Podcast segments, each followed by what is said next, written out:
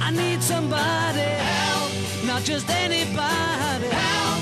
You know I need someone help. Det verker sånn i et bestemt område i magen. Mm. Ganske sterke smerter nederst på høyre sida.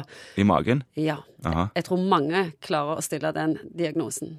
Ja, det, det, det kom akutt. Ja. Ja. Det begynte kanskje ikke der, men det starta midt i magen, og så gikk det litt ned til høyre etter hvert. Tror jeg. Mm, ja. ja, nei, da, da, da begynner jeg å Jeg tror jeg vet hva jeg ville tenkt, iallfall. Kunne det være blindtarmen, kanskje? Nemlig. Ja. Da har du litt feber, kanskje, og kaster opp. Ja, for det fins flere symptomer.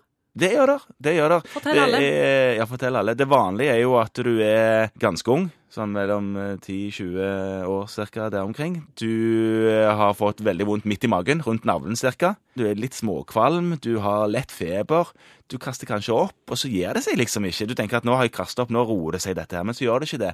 Så vandrer smertene litt grann ned mot, mot høyre, liksom i lysken nærmest nesten. Og så blir det bare verre og verre. Og så må du til legen. Ja, ikke tid vet Du må alltid til legen. Ja, altså Det går, eh, går, kan det gå over av seg sjøl?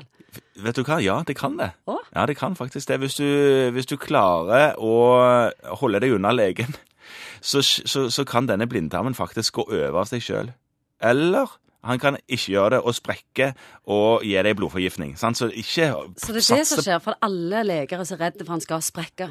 Ja, altså man er redd for at han skal sprekke, for da sprekker det, og så blir det masse gørr ut, i- ut i bukhulen, liksom. Det er jo det man helst ikke vil ha. Før så var det arr en måtte operere for. Ja, ja, ja. K- Hvordan er det dere gjør det nå? Vanligvis så trenger man ikke å åpne opp og lage et stort ark. Nå gjør man sånn kikkhullsoperasjon. Da tar man og stikker inn forskjellige stålstenger, tre stykk, rundt omkring i magen, én i navlen, og så gjør man operasjonen gjennom disse rørene.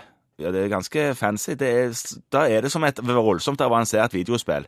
Så jeg tror jo at en god lege er en god eh, PlayStation Gamer. gamer òg. Så står du og ser på en skjerm mens du holder på med stengene dine, og så gjør du operasjonen mens du ser på video rett og slett hva du holder på med. Og så får du ut denne her betente blindtarmsvedhenget, da. Det Eh, ser kjekt ut å operere blindtarm. Jeg tror de som eh, gjør det mye, syns det er kjekt en stund, og så blir det rutine og kjedelig til slutt. For det er kan- vanlig, nemlig. Ja, hvor vanlig er det å få Ja, hvor vanlig blindtarmbetennelse? er det? Jeg vet ikke helt eh, akkurat hvor mange, men det er jo ganske mange som eh, i alle iallfall på min alder går rundt med dette arret etter blindtarmen og kan vise det det. Hvorfor har vi blindtarmen? Ja, man, man vet jo ikke helt hvorfor man har det, men man ser at det er ganske mye sånne lymfeceller og sånne ting rundt, som har med immunforsvaret å gjøre, rundt blindtarmen. Så man antar at han har en eller annen, i alle fall kanskje før, hadde en viktigere rolle i immunsystemet. Så man, har- man, man har ikke noe sånn drawback immunologisk når man har fjernet blindtarmen. Det, man klarer ikke å se at det har noe sånn stor betydning.